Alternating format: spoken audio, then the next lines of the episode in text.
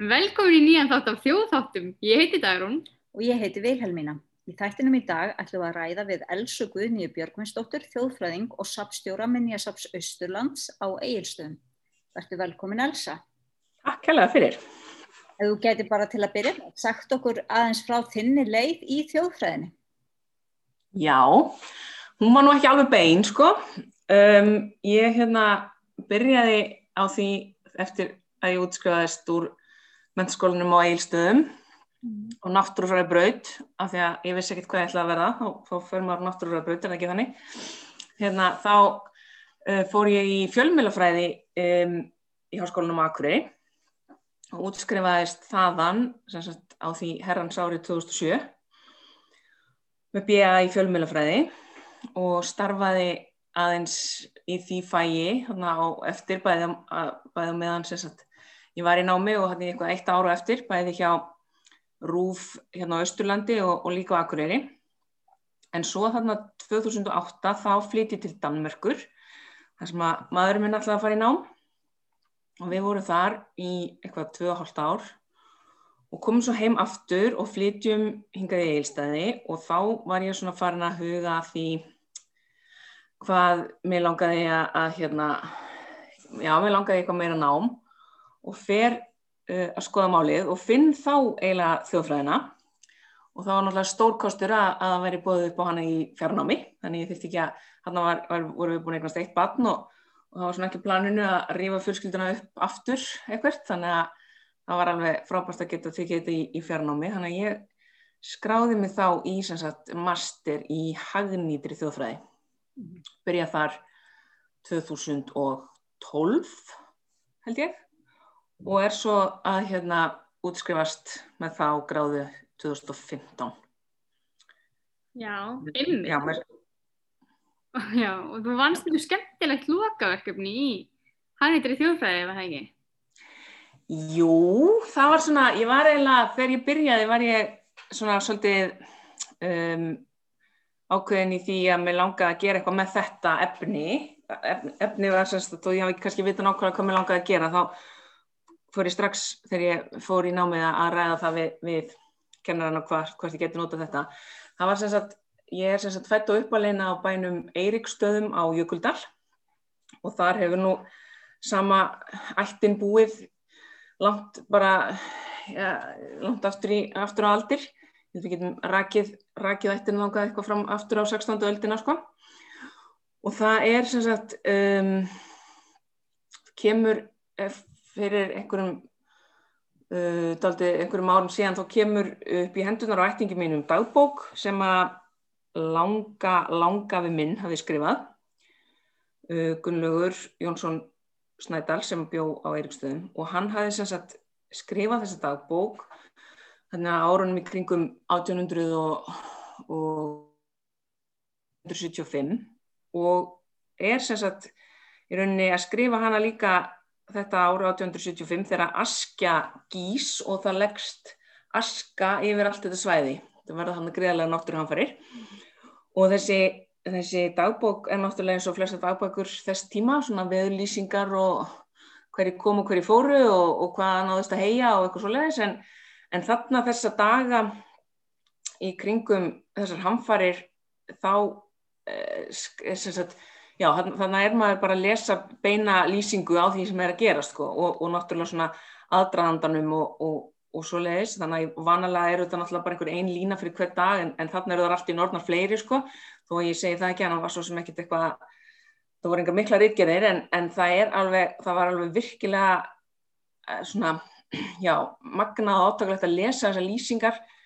þessar fólk sem er hérna á þessum tíma að takast á við þessar greiðalegu náttúru, hanfarir náttúrulega án þess að eiga öll þessi tæki og tól sem við höfum í dag.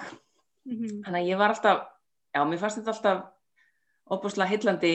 e, efni og langaði að gera eitthvað með þetta. Og, og fór svona með það inn í þetta nám hvort að, hvort að þetta geti orðið eitthvað. Og það var nú aldrei stekið vel það og ég enda á því að að sagt já, vinna, vinna með þetta efni safna heimildum um þessa atbyrði og setja upp síningu um þetta undir sem sagt leðsögn hans Terri Gunnell. Já, einmitt. Þú varstu þá að nota dagbókina mikið á síningunni líka, svona færsluðna þar. Já, sko þetta var í rauninni kannski tvíþægt verkefni. Það var semst annars vegar bara að sapna saman eins miklum heimildum og ég gæt um þetta efni því þetta var náttúrulega, þetta er orðið það langt síðan að þetta er kannski svona farið að fenna yfir þetta en samt ymdi alveg eftir af þessum sögum svona í samfélaginu, ég meina ég sem er, þú veist, elst upp þarna upp á Eiríkstöðum ég skreitti mínar drullukökur með vikri sem að er það út um allt sem að ég viss alveg að hafi komið úr þessu hérna eldgósi og, og setningin yfir hrundi askan dimm 1875 er eitthvað sem að ég hafi bara alltaf kunnað mm -hmm. en samt kannski ekkit vitan eitt meira eða, eða eitthvað gett með grein fyrir umfanginu þannig að ég fyrst fer hann að stað og, og með þessa dagbók og lýsingarnar úr henni sem eru náttúrulega alveg gríðarlega dramatískar stundum, það er bara veist, allt döðlegt hlítur að deyja, veist, jökuldalur eigðimörk og, og maður bara finnur alveg sko ángistina og, og hræsluna hjá, hjá fólkinu þegar það kemur út úr torfbænum og það er bara myrkur þegar það á að vera hábjörstu dagur af því að það er bara svo gríðalegt öskufall og þannig ég náttúrulega er með útgangspunkturinn er þessi dagbók en svo er ég líka bara að sapna saman sem mestum heimildum um þetta bæði úr, úr bara blöðum frá þessum tíma og setni tíma frásögnum og æfuminningum og svona. Og hérna og svona láta þetta rýma við þjóðfræðina og þessar söfnunina og, og, og, og svona sameigilegt minni og ýmslegt og síðan hérna uh, eru þessar heimildir teknar og ég bý til úr því síningu sem að ég ákvaði að setja upp á vopnafyrði af því að það voru náttúrulega gríðilega sagt, fólk flutti umvörpum af svæðinu uh, og, og margir fóru til Ameríku og þá gerði það frá vopnafyrði þannig að það var, það var hérna, það flúðu mig margir í vopnafyrð og, og sumir snýra aftur heim eftir einhver ári en, en margir fóru til Ameríku þannig að mér fannst að passa mjög vel að hafa hann þar Um, það var kannski ekki alveg til að einfalda málið að búa eilstum og setja upp síningu og opna fyrir þið en, en þú veist, ég veit ekki, maður var svo ungur og sprækur þarna, það var ekkert mál um, hérna, og, og já, það var sett upp, upp síning þarna sem að ég svona reynda að miðla þessu efni á svona eins, svona eins fjölbreyttan há, hátt og ég kannski gat með þú veist, ekkert eitthvað mikla peninga á bak við þetta, ég fekk einhverju styrki og svona mm. en, en þetta varð alveg bara já, já, þetta var, úr þessu var allavega síning og henn var vel tekið og, og, og hún var síðan sett upp aftur setna á eigilstöðum, þannig að þetta er sama ár. Mm -hmm. Það kannski líka helgaðast svolítið að því að, að það var sko, þetta, þetta var nefnilega alltaf ótrúlegt að, að sagt, e, sko, einhverjum tveimu dögum eftir ég opna síningun á opnaferði, þannig í júli um, 2014 held ég sé örgla, já. Þá sko uh, fellur berglaup í ösku mm. og svo um það byrjum mánuðið setna hefjast jarðhræðingar í borðabungu og eldgósi hólurhraunni þannig að allt í einu voru bara allir hér á svæðinu farnir að pæli eldgósum og öskufalli og, og bændur eitthvað flýta göngum af því að það fólk átti vona á öskufalli og einhverju svoleiðis. Þannig að þetta var allt í einu svona ótrúlega relevant eitthvað. Þannig að ég veit ekki hvort það hjálpaði til en það var allavega, já já, alveg ágættur áhuga á þessari síningu. Já, um, þetta er mjög áhugavert með svona áhugavert að hafa þessar fjölbreytti heimildir líka sem við talum á dagbúkina og sjá svona hvernig fólk sem að uppliði þetta fannst þetta og mm. þú talar um að það hefur svo mikið myrkur og fólk hafi flutt út. Nú þekki ég samt ekki alveg nógu vel einmitt söguna af þessu bósi. Var þetta lengi á þetta viðvæðandi ástand eða? Sko, það um, er náttúrulega, maður sér það eins og í dagbúkinu að það, það er náttúrulega einhver svona aðdraðandi að þessu, að hann talar um jarðskjálta og, og þau ganga þarna upp á, á hnefilinn sem er fjall sem græfir hérna við bænum og þá þar sjáðu reik hann einhver stort öra á honum. Og svo er þetta um páskana þarna 1875 að, að þetta svona einhvern veginn stigmagnast og svo allt í einu einn, semst morgunin þegar þau koma út og þá er semst, já, gengur náttúrulega greiðilega mikið á og, og, og það er bara, eins og ég segi, um, það, það, bara, það er bara komin aska yfir allt og hún var ekkert smá þykk sko og, og mjög mikil náttúrulega þarna á þessum, á þessum svæði eins og Efra Jökuldal sem er svona tilturlega nálagt þessu en svo náttúrulega var þetta þinnræfti sem að lengra dró frá en það lagðist aska yfir, yfir stórn hluta hér að svo allir náttúrulega miklum búsifjum um, og það var mikill fjöldi fólk sem að þurfti að flýja jæðið sínar annarkort uh, fór, gerna, já, fór margir í vopnumfjörð og, og sumir eins og segi til Ameríku en sumir snýr við aftur og það var ekkert svo það var reyndar kannski fór betur ná horðist á mörgu leiti því að það, það, það, jæðirnar voru ekkert svo lengi í eyði og þetta reyndist kannski bara veist, það var, var ágættur ábyrður í rauninni þannig að það var alveg hægt að, að hérna um, rækta túnin eftir þetta og svo leiðis en, en þetta var, já þetta voru náttúrulega alveg ótrúlegar ótrúlegar hamfæri, sérstaklega náttúrulega þegar maður hugsa til þess að fólk hafiði þú veist, ekkert, ekki síma til að ringja eða, eða fjölmiðla til þess að afla sér upplýsinga eða neitt svona vöktunarkerfi eða neitt, neinar viðvaranir sko Nei. og það var kannski það sem að mér fannst líka svo skemmtilegt við þetta að reyna einhvern veginn að fá fólk til þess að setja sig í þessi spór sko að, að upplifa þetta á þessum tíma með þessar aðstæður. Já, einmitt, það er svo gerðið erfitt að ímynda sér einhvern veginn, það er svo ótrúlega erfitt að ímynda sér hvernig lífið var bara einhvern veginn á þessum tíma. Já, einmitt. Og, hérna, og, og svona þessi sem þú veist þetta var náttúrulega atbyrði sem sem er alveg vel þekktir og, og svona almenningur viss alveg um en, en samt einhvern veginn hafði ekki sett sér í þessi spór, það voru svona viðbröð sem ég fekk ofta, já ég vissi ekki að það hefði verið svona mikið sko, að þetta er alveg tölverkt dramatískar lýsingar sem eru til um þetta mm um, um eldingar sem fylgdu þessu og, og hvernig þú veist dýrin höfðu sér í þessu og, og voru kannski herstartrildir og alls konar eitthvað sko þannig að þetta er svona, já Já, og þú miðlaðir þessu einmitt í síningu og nú ertu mm. sapstjóri á Minjasafni Ísturlands. Já. Þú er aðeins sagt okkur frá því. Hvað eru það að gera á safninu og starfsemið sapsins? Já, um, við erum hérna Minnesafn Austurlands er, er staðsett hér á, á Egilstöðum og það ásir nú langa sög um, eða bara það var um, í kringum um, kringum 1942-3 sem að menn fóru að tala um það að hérna að stopna sapn, minjasapn á Austurlandi og, og þá var svona kannski nútíminna að hefja innreið sína og fólki fannst þess að það þurfti að fara að sapna þessum heimildum og gamlu munum og, og þá voru, var farið að stað með, með, hérna, með þá vinnu og, og byrjaði að sapna saman uh, gripum og byrjaði til fólks um, um að gefa gripi. Og lengi vel var þetta sapn til húsa á Skriðuklustri, Gunnar Gunnarsson á Skriðuklustri var nú einn af, einn af þessum munnum sem að um, svona voru forsprakkatir að þessu um, og, og fleiri náttúrulega með honum. Og það var lengi þar til húsa og svo var það svona uh, síðan í, í, á Hallómstað og svona hér og þar þannig til að komst inn í, í þetta sapna hús hér á Egilstöðum. Hér, hér það hús var tekið í nótku 1996 og hér erum við semst til húsa með bókasafni Hérasbúa og Héraskjálasafni Östfyrðinga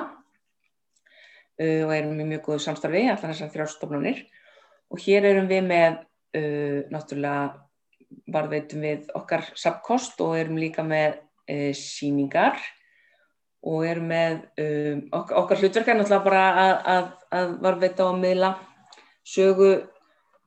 Östurlands í, í gegnum þessa gripi. Og við erum með tvískipta grunnsýningu, annars vegar síningu um uh, hreindirinn sem að, já, þeirra tengsl við, við þetta svæði og hins vegar svona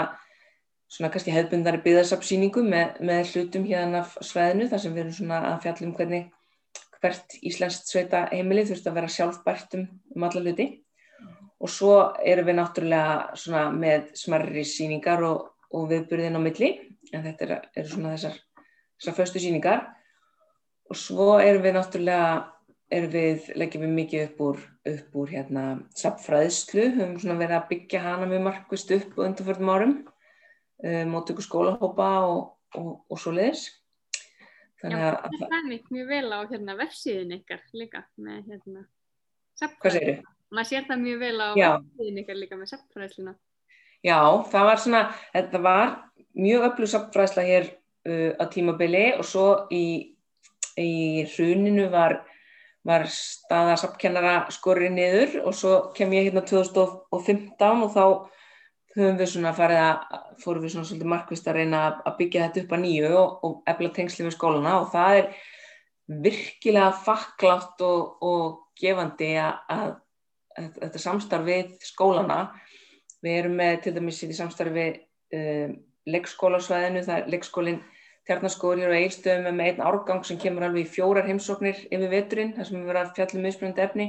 og það er, veist, ótrúlega gaman síðan að heyra kannski þegar krakkarnir koma síðan setna inn í húsi eru kannski fara á bókasafninu með fóröldum sínum og, og heyrir maður í þeim og þau eru að segja þeim frá því sem þau sáu inn á safninu sko. og, og það er náttúrulega þannig að, að það eru svolítið krakkarnir, börnin sem að ráða því hvaða aftrengum maður velur sér sko. þannig, að, þannig að þau eru svolítið að draga fóröldra sína inn á safnið eftir að hafa komið hérna í, í heimsóknum í skólunum og það er virkilega, virkilega skemmtilegt. Og við höfum líka svona verið að reyna að hafa þetta svona, já, hafa þetta svona sem, sem fjölbreytast og, og, og þannig að kennarar geti, þú veist, geti svona um, fundið alltaf eitthvað nýtt til að fjallum, það er ekki, þú veist, það er eitt að koma bara alltaf á safnið en það verður að vera eitthvað þá nýtt að gera, þannig að við, við höfum verið að að búa til og þróa námsefni um svona það sem að vera með eitt svona námsefnispakka fyrir hvern árgang svona, já, og það sem er tekið fyrir eitthvað ákveð efni þannig að kennar ættu að geta komið sagt, á mismunandi árum með, eða sagt, bara, já, árlega þess vegna með, með hópa í, í safnið og þá alltaf verða að fjalla um eitthvað nýtt viðfangsefni. Og það hefur líka líka hérna gefist vel og, og hugsunna baki það var líka kannski pínlítið að að bæði væri þetta námsefni svona einmitt ítarefni og stuðningur við heimsóknir en líka að um, skólar sem að eiga ekki þess kost að heimsækjasafnið vegna fjarlæðar geti nota það til þess að komast svona, að fá svona smá kynningu eða smá glugga inn á safnið í, í gegnum netið og, og svo kannski komið setna í, í heimsóknu ef það er. Það er líka, það er líka eitt efni sem er mér allavega mjög hugleikið, það er svona aðgengi fólks af menningunni og, og menningararfunum sem er ekkert, það, er ekki, það búið ekki allir sama aðgengi ekki þar, þú veist, það er bara einn á mínu, svæði, sumi skólanir geta bara rölt, eða sumi skólahópanir geta bara rölt hérna til okkar meðan aðrir verða að taka rútu eða eitthvað svo lenst þannig að það er svona, já, það, það er mjög mismunandi hversu, hvernig, hvernig aðstæður skólan eru í, í þeim eflum. Mm. En þú nefndir á þann að þið varu uh, með síningu um hreindir. Já. Nú hafa þau verið töluvert í kastljósinu. Getur þú sagt okkur aðeins frá hreindirum á Ísturlandi? Já, hreindirinn, þau náttúrulega eru þessi enginni stýr Östurlands sem að voru hérna, flutt hér inn um, á sínum tíma til þess að auka, auka hérna, náttúru sveðisins og, og, hérna, og vera til þess að að, hérna, já, til þess að bæta landkostina og voru sett hér á, á nokkur mismunandi svæði á landinu en livðu bara af hér fyrir austan og þessi stopp sem er hér núna er sem sagt í rauninni sá bara, já, afkomendur þeirra dýra sem voru settir á land hér á, á austur og norðurlandi á þeim tíma. Og þau eru hér á, á þessu svæði og eru náttúrulega bara tengjast með mikið sögu og, og, og mannlífinu hér náttúrulega. Þetta eru dýr sem við sem erum alin upp hér erum bara, finnst ekkert, kannski, jú, þau eru bara þarna og við erum bara við þeim og meðan kannski þeim sem er búið annar stað finnst þetta alveg, alveg, alveg stórmerkilegt mm -hmm. og svo er náttúrulega, eru þau, er hérna mikið sótt í að, sótt í að hérna, þetta er náttúrulega mjög mikið hluti af, af menningunni, þau eru náttúrulega veitt og, og það er fólk sækir í að, í að fá að veiða dýrin og þannig er náttúrulega, það fylgst mjög vel með stoppstærðinni og, og, og veiðilefi gefin út í samræmi við það og með þessu er honum líka haldið í skefjum, það var heldur ekki gott að verði ofmörg, mm -hmm. þannig að, að, hérna, að þetta er svona, já, þetta litar, litar hérna, samfélagið að mannlífið hér á margar handstundum eru þau komin alveg hér niður inn í kaupstæði þess vegna og þess vegna og svo getur maður náttúrulega að séð þau þegar maður er ferðinni hér á milli milli bæjarfélaga og yfir, yfir fjallvegi og þetta er náttúrulega afar tilkomi mikil dýr og, og, og gaman að, að, hérna, að sjá þau og, og þau eru nýtt á margvíslegan hátt þannig að það eru alls konar svona sögur á baku það í. Sýningin hjá ykkur þá væntalega svolítið myndræn eða hvað? Já, þetta er náttúrulega, það er heilmikið fróðleikur hér á, á spjöldum og mikið af ljósmyndum og svo erum við náttúrulega með, já, bæði fróðleikum um söguna og, og nýtinguna og þeim í dag. Og svo eru, eru þarna, erum við með um, lítinn svona veiðikofa þar sem eru sagðar veiðisögur, það eru hérna upptaka með, með veiðisögum frá veiðmönnum sem að hafa þekktum veiðmönnum hér á svæðinu og svo erum við með, með hérna lítinn bíósal líka þar sem eru síndar um, nokkrar myndir. Og þar er til dæmis um, teiknumind sem er byggð á, á hreinreið bjarts í sumarhúsum og sjálfstæðu fólki sem er eftir hann Láru Garðarsdóttur sem var sérstaklega gerð fyrir, fyrir þessa síningu og síðan erum við með, með uh, kvikmyndina á hreindýraslóðum eftir Edvard Sigurgjarsson sem er frá já, kringum 15 áratug 20. aldar þar sem að er eiginlega svona þessar fyrstu fyrstu lifandi myndir af hreindirunum, þetta eru myndir sem voru teknar í, í nokkrum leðangurum sem voru farnir á öðrafinn til þess að mynda hreindirinn mjög áhugaverð mynd hreindir Hvað segir þau? Á þeim tíma var bara sjálfgeft að ná að sjá hreindir Já, þau voru alltaf kannski það var svona þau voru já, ég menna þau voru náttúrulega hér á svæðinu kannski heldur sér meira upp, upp á örafunum sko. En, en þetta var, þetta er ferð sem er farin frá, og þetta er mjög skemmtileg mynd, hún, hún sýnir sko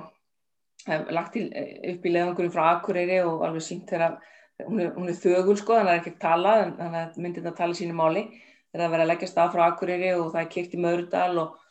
og það er hitt að er Jón Stefánsson bóndi Mördal sem lánaði um hesta og svo er haldið áfram á hestuminn og öraðin með allan búnaðinn sem var sko ekkert smá smíði í þá það, menn voru ekkert að taka á símann neitt sko. Og, og svo eru alveg ótrúlega myndir af þessu svæði og, og þessum og af hrindurónu náttúrulega. Og svo erum við líka með nýja hérna, heimildamind sem að sem að uh, Hjalti Stefánsson og Heiður Ósk Helgadóttir gerðu um svona hvernig þetta er í dag, um hvernig, hvernig rannsóknir á reyndirunum eru og, og hvernig viðarnar fara fram og skipulæðið á þeim og ímislegt þess að þar. Þannig að það er svona hægt að, hægt að hérna, já, skoða þetta frá ymsum, hliðum hérna hjá okkur og það er bara mjög gaman að, að hafa síningu um, um þessi enginni stýr hér því að þetta er náttúrulega fólk sem heimsækisvæðið er, er forvituð um þau og það er ekki kemur pílindi óvart hvað útlendingarnir eru það líka sko því að mann kannski myndi alltaf, þeim myndi ekki finnast endilega merkileg eh, hérna, þú veist, einhver hjartardýr á Íslandi, en, en þeim finnst þetta merkileg saga, hvernig þið voru hvernig þið voru fluttingað og, og svona hvað, hvað þetta átt að gera hér. Já, ég get alveg vott að fyrir það, mér fannst það ég fór nefnilega einmitt í heimsókn á Eilstæði og Östur síðasta sumar og sá þá í fyrsta skipti feindir og áðurinn laði stað, eða sem vilt feindir áður en við lögum á stað, þá var ég alveg bara ætli við sjáum hindir, ætli við sjáum þau? Og, og svo sá ég þau bara aftur og aftur og aftur og aftur það er jafn stórmerkilegt. Já, þetta er svona svolítið þetta er svona, hérna, einmitt maður fyrir svona því hverju maður er vanur, ég man eitthvað þegar ég var lítill í sveitinni á Eirikstöðum og það var stelpa á sama aldri í sveit heima hjá mér og það kemur, svo kemur bróðum minn inn og segir, eru það hópur hreindýrum hérna upp á túninu, vil ég koma og sjá það og ég eitthvað, nei hvað, þú veist, stundin okkar var að byrja í sjónvarpunni, ég ætla ekki að fara út að sjá einhver hreindir og meðan hún var alveg uppveðruð og, og náttúrulega vildi endilega fór að sjá hreindir sem hún aldrei séð áður en ég þótti þetta bara ekkert merkilegt. Nei, þetta er svo mismunandi sem er svo skemmtilegt. Mm -hmm. Algjörlega, en því standi líka fyrir alls konar viðburðum á safninu eða ekki? Jú, við reynum það að hafa svona hérna einhverja dagskrá yfir, yfir ári. Við erum þetta ekki, hérna, húsnaði hjá okkur býður ekki upp á svona, um, kannski við erum ekki með, með mikið auka rými fyrir svo leiðis en við erum nú bara slíðum okkur stakkið til vexti og, og, og hérna og gerum gott úr því og reynum að vera með svona uh, smerri síningar, bæði bara á hlutum úr sapkostinum, sem kannski tengist þá svolítið því sem við erum að hver við erum stödd á árinu eða eitthvað svo leiðis og við erum með að setja upp litla síningu núna bara þessa dagana með gripum sem tengjast svona skíðamennsku og svo leiðis, nú eru skíðasvæðin að fara að opna á svo leiðis, þannig að fannst það tilvalið að taka fram eitthvað svona gammalt dót sem áttum tengt því. Svo reynum við líka ef okkur býst að fá svona farandsýningar frá öðrum, þá tökum við gerðan við þeim ef við getum og, og setjum upp. Og svo náttúrulega bara eru alls konar, já já, viðbyrðis, við reynum að vera með einhvern svona jólaviðburð og við höfum verið með öskupokasmiðjur þar sem við bjóðum krökkum og komum sem öskupoka sem að sem er haldið að sé síður sem verður deg út en, við eh, reynum alltaf að gera, leggja okkar mörgum til að svo verða ekki. Og, og, svo, og bara, já já, ímislegt sem er í, er í gangi. Og við hefum í góðu samstarfi margar margar uh, aðrar menningarstofnarnir hér á svæðinu sem að til dæmis skila okkur nú tilnefningu til Íslensku safnavæluna núna í á þessu ári. Já, það var því. Já, það var samstagsverkefni sem var, var ráðist í árið 2018 í tilöfni af fullveldsafmælinu. Þá var sem sagt, uh, var svona komið umræða um hva, hvað ætti að gera hér á Östurlandi í, í tilöfna því og það var sem sagt niðurstaðana að það tóku sér nokkrar stopnarnir hér á svæðinu undir fórstu Östubrúar, um, tóku sér saman um að búa til verkefni sem við kölluðum Östfyrst fullveldi sjálfbært fullveldi. Þá vorum við sérst að skoða Östurland um, og kannski uh, hérna, svona, við vorum sérst að skoða uh, Östurland árið 2018 og 1918 út frá sjónarhörni eða hóli barna og speikluðum það við heimsmarkmið saminuð þjóðana um sjálfbæra þróun og byggur sem sagt, þannig að viðfangsefnin voru sem sagt, já það var svona rammin, það var, voru heimsmarkmiði, þannig að við vorum að taka fyrir hlutina sem að tala um þar eins og bara aðgangað vatni og, mm -hmm. og, og fátækt og jafnbretti og ýmislegt þannig. Og úr þessu örðu sem sagt uh, varð síning sem var sett upp, henni var skipt í fjóra hluta og eitt hluti á hverjum stað, það var eitt hluti hérna í okkur, einn í tæknumennisafnu Östurlands og Seyðisfyrði, einn í sjómennisafnu Östurlands á Eskifyrði og einn á skriðu klustri í Fljótsdal. Þar sem á hverjum stað var sögð sagt, saga uh, bars, annars vegar 2018 og hins vegar 1918 og svona aðstæður þeirra borðna saman og, og blanda saman við þetta uh, hérna, munum úr sapkosti safnana og, og, og svo leið, eins og fleiru og búið til líka námsefni e, sem skólating gáttu nýtt og ímislegt fleira og þetta var síðan, þessar síningar voru opnaði 17. júni og voru á þessum stöðum yfir sumarið og voru svona náttúrulega uppsett til að líka hvetja fólk til þess að heimsækja alla þessa staði og svo á svona fullveldi sáttíðinni 1. desember þá voru þar allar saminar á eitt stað í mentarskólinum á Eilstöðum þar sem var heilmikil dagskráfi tilöfni tímamótana og þetta verkefni var síðan tilnefnt til Íslensku safnavölunana eh, núna 2020 mm -hmm. svo var alltaf gríðarlega mikil heiður og, og við vorum virkilega, virkilega ána með það, þessi tilnefningu. Já, til hafingi með hana. Takk hella fyrir. Við, hérna, þetta, svona, já, þetta var, svona, þetta var, okkur, þetta var stort verkefni og, og, og svona, mjög gefandi samstarfsverkefni allar á stofnuna og það, þetta var svona einhvern veginn sínd okkur það hvað við gátum gert mikið við lögum öll saman því það var alveg að reyna ekkert af þessum stopnunum hafi kannski uh, bólmagn eða mannskap til þess að fara í svona stórt verkefni eitt og sér en, en saman gáttum við, gáttum við búið til þessa síningu sem að hefur vakið verðskuldið aðtil og við settum hann einmitt aftur upp um tíma hérna þessu ári í tilefni af, af þessari, þessari tilefningu. Já, einmitt. Man finnst svona eins og samstarf á milli safna sem ég myndi alltaf að verða svona mikilvægara og mikilvægara. Já, ég held það. Og það er bara, það er bara kallað eftir því finnst mér við það og, og fólk bara átt að segja á því að söfni eru náttúrulega oftar en ekki fámennar stofnanir og það er, eru drefðar um, um landið. Mm. og, og, og hérna og bara engin ástæð til þess að séu einhvern veginn allir að finna upp hjóli í þessu heldur bara að, að vinna saman að,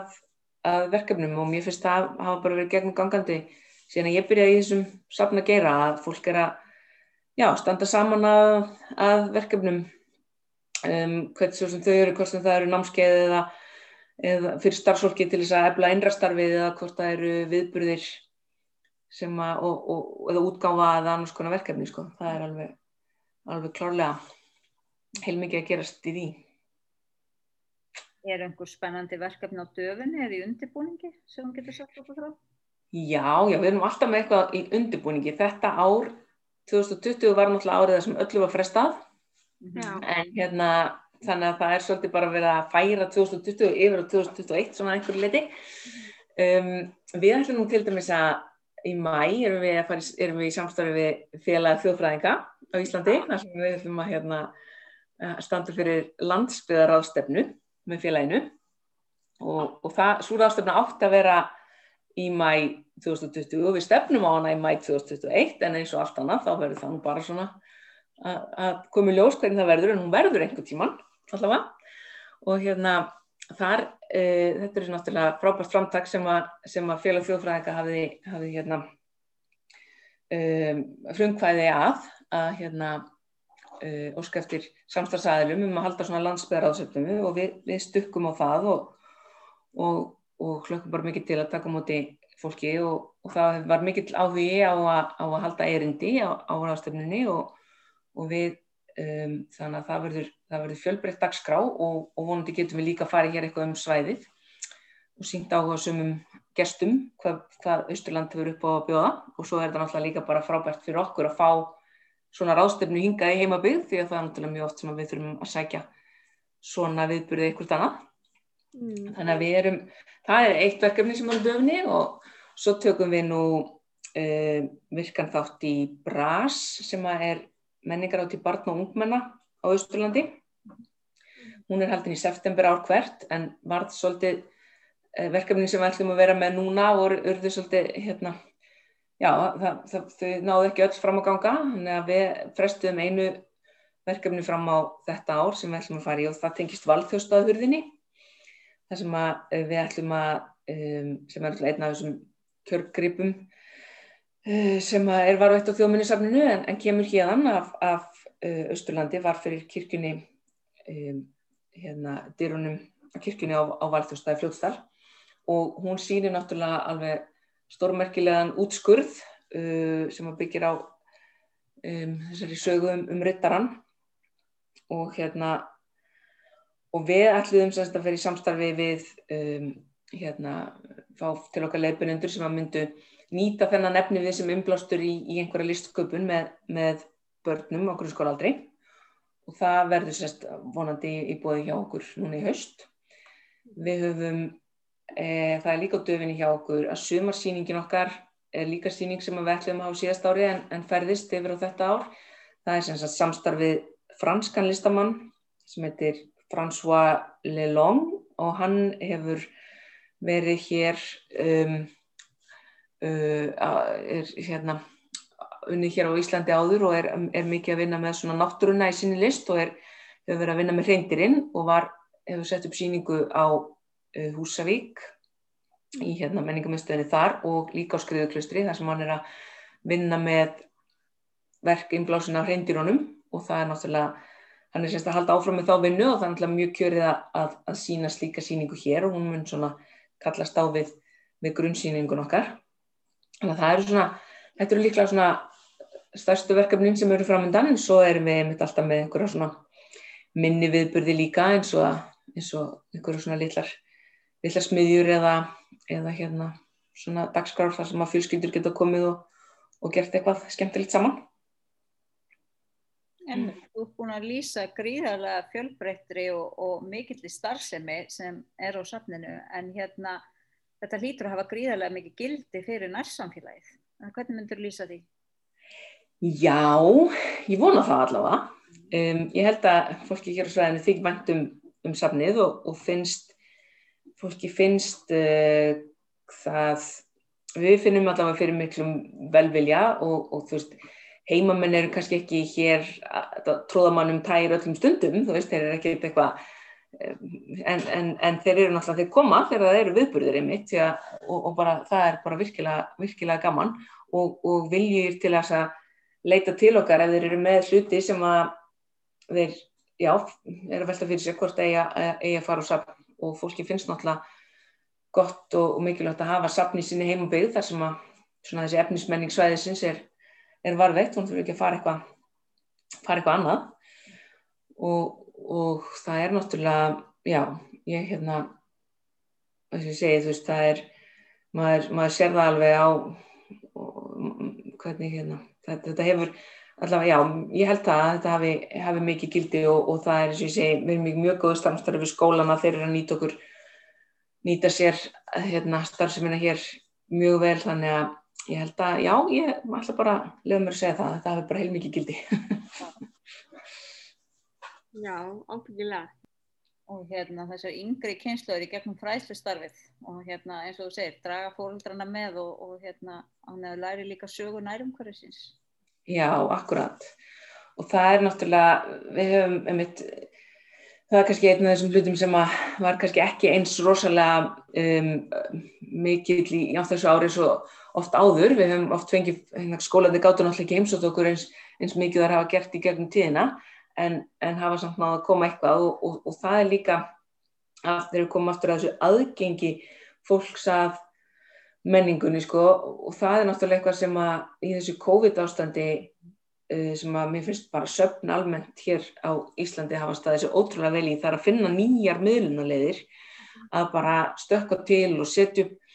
búa til vefsýningar, setja leiðsagnir á netið, gera alls konar sem að hefur líka bara pínlítið opnað heim, opnaði hennan heim fyrir um, bara fólki sem kannski hef, hafði hingað til ekki endilega verið að nýta sér söfnin mikið og þó að það sé náttúrulega aldrei, veist, það er aldrei sambærilegt að skoða kannski eitthvað á netinu eða fara á staðin en, en það mun samt held ég klárlega sá einhverjum fræjum